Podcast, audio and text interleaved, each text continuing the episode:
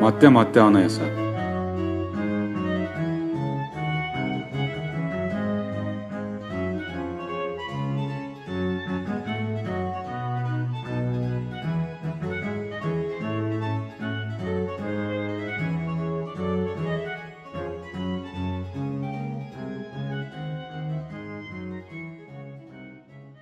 Kanun önünde eşitlik. Madde 10.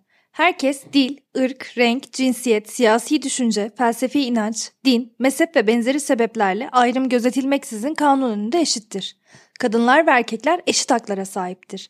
Devlet bu eşitliğin yaşama geçmesini sağlamakla yükümlüdür. Bu maksatla alınacak tedbirler eşitlik ilkesine aykırı olarak yorumlanamaz. Çocuklar, yaşlılar, özürlüler, harp ve vazife şehitlerinin dul ve yetimleriyle malul ve gaziler için alınacak tedbirler eşitlik ilkesine aykırı sayılmaz. Hiçbir kişiye, aileye, zümreye veya sınıfa imtiyaz tanınamaz. Devlet organları ve idare makamları bütün işlemlerinde kanun önünde eşitlik ilkesine uygun olarak hareket etmek zorundadırlar. Eşitlik kelimesi Türk Dil Kurumu sözlüğünde iki veya daha fazla şeyin eşit olması diye tanımlanmakta. Eşit kelimesini de yapı, değer, boyut, nicelik ve nitelik bakımından birbirinden ne artık ne eksik olmayan iki veya daha çok şey diyerek açıklıyor. Mesela matematikteki eşitlikten yola çıkarsak 2 artı 2 eşittir 4 derken birbirinden ne eksik ne fazla olmayan iki şeyin eşitliğinden bahsediyoruz. Ama konu sosyal bilimlere geldiğinde eşitliği tanımlamak elbette çok zor. Eşitliği anlatmaya çalışırken iki şeyin aynılığı, özdeşliği, özdeşliği, birliğinden bahsetmeye çalışırız genelde. Ama oysa ki doğada hiçbir şey aynı değildir. Bilinen en eski kanun koyucu Lagas kralı Urukagina, M.Ö. 2350 yıllarında Sümerce yazılmış kil tabletlerdeki kanunnamelerde kendinden önceki idarecilerin yarattığı düzensizlik, adaletsizlik ve yolsuzlukları yok etmek için kuvvetlinin zayıfa zulmetmesinden bıkan halk tarafından aynı kavme mensup olmamasına rağmen başa geçirildiğini ve eşitliği getirdiğini anlatır. Aynı şehirde 200 yıl kadar sonra hüküm sürmüş olan Ensi Gudea, şehirde esirliği ve köleliği kaldırmakla fakiri kuvvetliye ezdirmemekle övünür. Milattan önce 1700'lerde hüküm sürdüğü tahmin edilen Hammurabi de kanunnamesinin giriş kısmında bu kanunlarla hem hakimlerin belirsiz örf ve adetlere göre karar vermemesini hem de halkın kendi durumunu bilebilmesini sağlamaktan bahseder. Hammurabi kanunları bugünün hukuk anlayışına ve eşitlik ilkesine pek uygun değil ama en azından kanunların kapsama alanına giren herkese eşit şekilde uygulanabilmesinin amaçlandığını söyleyebiliriz. Milattan önce 6. yüzyıl civarlarında antik Yunan'da yönetime getirilen Solon, insanların kanun önünde eşitliğini temin etmek için yasal düzenlemeler yapmış, ekonomik eşitsizliği dengelemeye çalışmış. Her ne kadar bu girişimler başarılı olamasa da M.Ö. 5. yüzyıla gelindiğinde sofistler insanların doğuştan gelen eşitliği ve özgürlüğü fikrini yaymaya çalışmışlar. Her ne kadar o dönemde hayata geçirilemese de sofistlerin bugün felsefede ne kadar önemli bir yer tuttuğunu görüyoruz. Aynı dönemlerde Çin'de yaşamış olan yani yaşamış olduğu tahmin edilen Konfüçyüs de insanlığın bir bütün ve bütün insanların eşit olduğu düşüncesini yaymaya çalışıyordu. Aristoteles de adalet teorisini kurarken eşitliği görünüm biçimleri üzerinden açıklamıştı. Aslında Aristo adalet ve eşitlikten bahsetmekte ama aslında bunu köleliği meşrulaştırmayı hedefleyerek yapmaktaydı. Yüzyıllar sonra özgürlük, eşitlik, kardeşlik sloganı ile yola çıkan Fransız ihtilali ve ardından gelen 1789 tarihli İnsan ve Yurttaş Hakları Bildirgesi belki de eşitlik ülküsünün en ünlü belgesidir diyebiliriz. Birinci maddesiyle insanlar hür ve hukuken eşit doğarlar diye başlar. Altıncı maddesinde bütün vatandaşların kanun önünde eşit olduğunu vurgular. Özellikle 2. Dünya Savaşı'nın ardından eşitlik kavramının yorumu genişlemiş, ekonomik eşitliği de kapsamaya başlamıştır. Eşitlik kavramı çok boyutlu bir kavram ve klasik ayrımda sosyal ve ekonomik, hukuki ve de siyasi eşitlik olmak üzere üç temel sütunda incelenmekte. Tabii artık eşitlik kavramı bu klasik ayrımın çok ötesinde boyutlanmakta. Tarihsel olarak çok kısa bir şekilde özetlediğimiz eşitlik peşindeki mücadele ve bu yolda atılan adımlar zorlu ve uzun bir macera. O zamana kadar yüksek sesle söylenmesinden bile haz edilmeyen bir dileğin bildirgelere yazılıp ilan edilmesinden çok daha fazlası yaşanmıştır elbette. Ancak bu zorlu yolculuk programımız kapsamında değil. O yüzden şimdi yavaş yavaş anayasamız bağlamında kanun önünde eşitliği incelemeye başlayalım. Eşitlik anlayışı ve hukuki anlamda eşitlik insanoğlunun aldığı yola ve ufkunun genişlemesine bağlı olarak zamanla değişmiş, gelişmiş. Oysa ki uzun bir zaman boyunca en eşitlikçi düşünürler için bile kölelik bir sorun değildi. Sonuçta en eski metinlerde bir şekilde söz edilse de hukuki anlamda eşitlik aslında modern çağın kavramı. Eşitlik rüyasının ilk basamağı kanun önünde eşitlik ve doğal yansıması olarak da ayrımcılık yasağıdır. İnsanlardan bahsederken mutlak bir eşitlikten bahsetmek pek anlamlı olmayacaktır elbette. Çünkü kimse kimseye birebir benzeyemez. Benzemek de istemez zaten. O yüzden herkes eşit olsun derken herkesin kaşının, gözünün, renginin, sesinin, boyunun, posunun eşitliğinden daha doğrusu eşit olması gerektiğinden bahsedilmiyor. Gerek iç hukukta gerekse bu konuyu amaç edinmiş uluslararası belgelerde eşitlik kavramının tanımına rastlanmaz aslında. Ancak kastedilen yasaların gözünde eşit olabilmektir. Bu da adaletin terazisinin kefesinde her bir insan için aynı abranın kullanılması, yani kimsenin dili, dini, ırkı, cinsiyeti, soyu, makamı, parası gibi nedenlerle farklı ölçeklerle tartılamaması demektir. Eşitlik ilkesi bir talep hakkı doğurduğu gibi devlet organları ve idare içinde anayasal bir buyruktur. Bu ilke hukuk devleti kavramı içinde bulunmasının yanı sıra bir temel hak veya bağımsız bir temel ilke olarak da kabul edilebilir. Eşitlik ilkesi ancak ve ancak hukuk devletinin güvencesi ve araçlarıyla korunabilir. Kanun önünde eşitlik ilkesi doğal olarak herkesin her yönden aynı hükümlere tabi olması, aynı uygulamalarla karşılaşması anlamına gelmez. Bu kavram en kısa ifadeyle eşit durumda olanların eşitliğini kasteder. Farklı hukuki konumlarda olanlara farklı kurallar uygulanması durumu tek başına bu ilkenin ihlali anlamına gelmez. Haklı nedenlerin varlığı halinde farklı uygulamalar yapılabilir. Ancak farklı durumdakilere yapılan farklı uygulama haklı nedenlerle yapılıyor olsa bile bu farklı durumdaki herkese aynı şekilde uygulanmalıdır. Kanun önünde eşitlik insanın doğuştan sırf insan olması sebebiyle bir değerinin olmasına dayanıyor. İnsanın herhangi bir niteliğine veya ölçüye dayanarak insanlar arasında bir ayrım yapılamayacağı ve kanunların uygulanması açısından da hiçbir fark gözetilemeyeceği belirtiliyor. Anayasamız herkesin dil, din, ırk, cinsiyet, düşünce, inanç, din ve benzeri sebeplerden ayrım gözetilemeyeceği hususunda mutlak bir eşitlik öngörüyor. Yine hiçbir kişiye, aileye, zümreye veya sınıfa imtiyaz tanınamayacağı noktasında da kesin %100 bir eşitlikten bahsediyoruz. Fakat şöyle bir durum var dediğin gibi eşit olmayan kişilere farklı kuralların uygulanması eşitlik ilkesine aykırı değil. Maddede yer verilen eşitlik ilkesinin amacı aynı durumda bulunan kişilerin kanunlarca aynı işleme bağlı tutulmalarını sağlamak ve kişilere kanunlar karşısında ayrım yapılmasını veya ayrıcalık tanınmasını önlemek. Bu ilkeyle aynı durumda bulunan kişilere farklı kurallar uygulanarak yasa karşısında eşitliğin ihlali yasaklanmış. Kanunlar eşitlik ilkesine uygun bir şekilde aynı veya benzer durumda bulunanlar için haklarda ve ödevlerde, yetkilerde ve sorumluluklarda, fırsatlarda ve hizmetlerde eşit davranılmasını sağlayacak kurallar içermelidir. Ancak bazı kişiler ya da topluluklar için değişik kuralları gerekli kılabilir. Eşitlik ilkesini mutlak ve eşitlik olarak yorumlamamak gerekiyor bazen.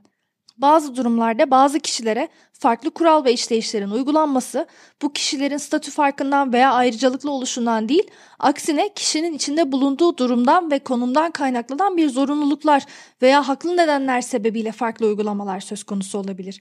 10. maddeyle haklı nedene dayanmayan ayrımlar önlenmeye çalışılmış. Aristo buna dağıtıcı adalet diyor. Buna güzel bir örnek de var. Bir annenin 10 yaşındaki çocuğuna 4 yaşındaki çocuğundan daha fazla yemek vermesi dağıtıcı adalete tekabül ediyor. Devletin de farklı konum ve durumlardaki vatandaşlarına farklı kuralları uygulaması bu sebeple eşitlik ilkesine aykırı değil diyebiliriz. Kanun önünde eşitlik ilkesi muhataplarına bunu talep etme hakkı verirken devlete de ayrımcılık yapmamak, yapılmasına izin vermemek ve ayrımcılığı önlemek hatta ortadan kaldırmak için gereken tedbirleri alma yükümlülüğü vermekti. Anayasamızın 10. maddesinde düzenlenmiş bulunan eşitlik ilkesi devlet organlarının ve idarenin kimseye imtiyaz tanımaksızın herkese dil, ırk, renk, cinsiyet, siyasi düşünce, felsefi inanç, din, mezhep ve benzeri nedenlerle ayrım gözetmeden eşit davranmasını buyuruyor.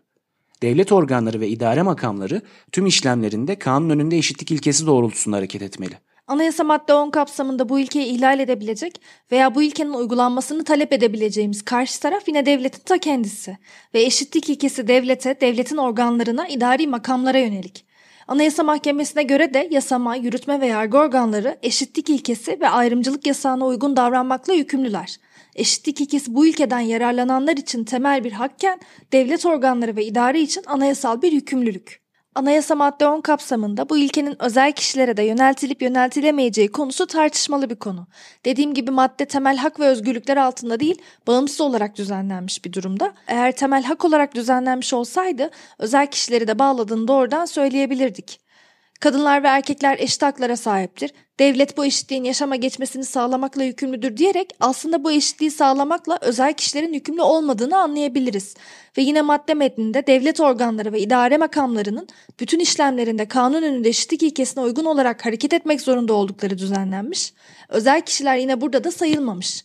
Kanun koyucu burayı elbette isteseydi özel kişileri de ekleyebilirdi. Herkes kanun önünde eşittir. Kimseye ayrıcalık tanınamaz. Ancak kadın erkek eşitliğinin hayata geçirilmesi veya çocuklar, yaşlılar, özürlüler, şehitlerin dul ve yetimleri ile gazi ve malüller için alınacak tedbirler eşitlik ilkesinin ihlali sayılamaz. Bunu da es geçmemek gerekir. Bu ilke Türk anayasalarında ilk olarak 1924 Anayasası'nda yer alıyordu. Ama sadece vatandaşları içeren bir dille yazılmıştı. Ancak şunu da hemen belirtmek gerekir ki 1934 yılına kadar bütün vatandaşlar yasa önünde o kadar da eşit değildi. 1924 Anayasası ilk halinde kadınlara seçme ve seçilme hakkı tanımıyordu. Maddenin kadın erkek eşitliğini tartışacağımız kısmına gelmeden evvel Türk Ceza Kanunu'nun 122. maddesinde nefret ve ayrımcılık yasağı düzenlenmiş ve bir yıldan 3 yıla kadar ceza öngörülmüştür. Bunu da söylemeden geçmeyelim.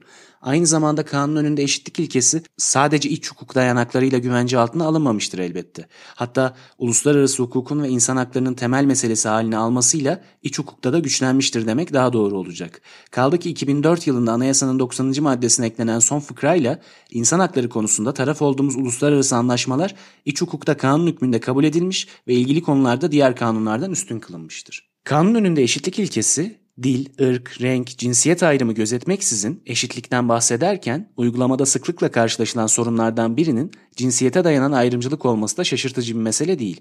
Bu sadece Türkiye'de yaşanan bir sorun da değil elbette. Dünyanın her yerinde kadınlar sırf erkek olmadıkları için evde, işte, sokakta, siyasette, adalette yok sayılmalarından insana atfedilen özgürlük, eşitlik, adalet ve benzeri değerler için özne kabul edilmemekten bıkıp isyan etmişlerdir.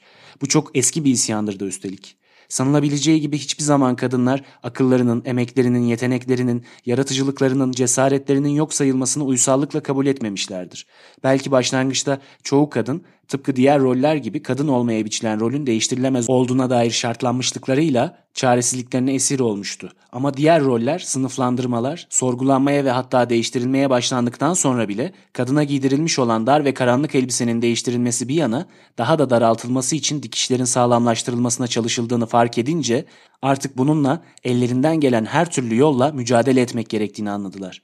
Eşit işe eşit ücret, mirastan eşit pay, seçme ve seçilme hakkı bu mücadelenin ilk basamaklarıydı. Ama bu basamaklara çıkmak bundan sonrakileri kolay kılmadı. Eşitlik ilkesinin hayata geçmesi yolunda verilen en zorlu yasal mücadele konularından birisi cinsiyet ayrımcılığını sadece toplumsal alışkanlıklardan değil, yasalardan ve idari uygulamalardan da çıkarmak olmuştur. Bu çaba halen devam etmektedir ve kolay kolay bitebilecek gibi bir çaba da değil. Binlerce yıl önce krallar ülkelerine eşitlik getirdiklerini iddia ederek övünüyorlardı. Filozoflar eşitlik temelli fikirler üretiyorlardı. İçinde eşitlik vaatleri olan ihtilaller yapıldı, eşitlik vadeden sözler verildi. Kanunlar hazırlandı. Uluslararası anlaşmalar imzalandı. Dünyanın her yerinde on binlerce şair, yazar, sanatçı, akademisyen eşitliği konu eden eserler verdiler. Vermeye de devam ediyorlar. Ama hala en demokratiğinden en antidemokratiğine her sistemde eşitliğin en azından kanun önünde sağlanması için fazladan çaba harcanması gerekiyor. 1948'de Birleşmiş Milletler çatısı altında ilan edilen evrensel beyanname insanların eşitliğini aykırıyordu ama ondan önce Türkiye'de dahil ülkelerin çoğu temel metinlerinde genel olarak kanun önünde eşitlik ilkesinden ve bunun ihlalini önlemek için ayrımcılık yasağından bahsetmeye başlamışlardı bile. 1924'ten beri her anayasasında eşitlik ilkesine yer veren Türkiye, bunun için uluslararası platformlarda da yükümlülük altına girmiştir.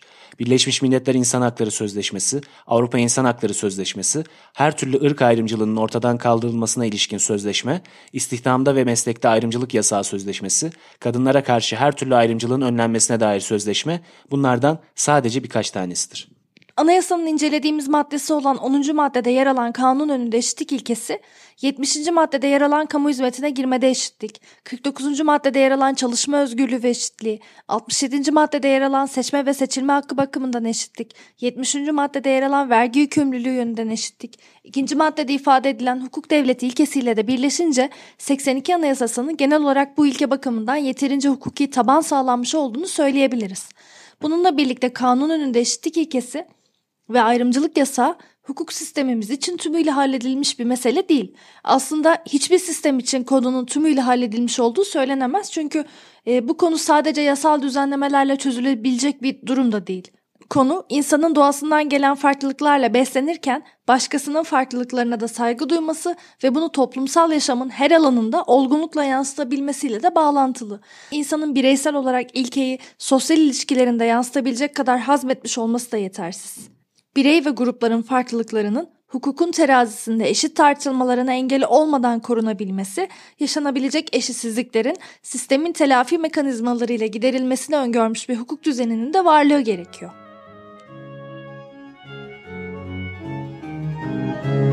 Müzik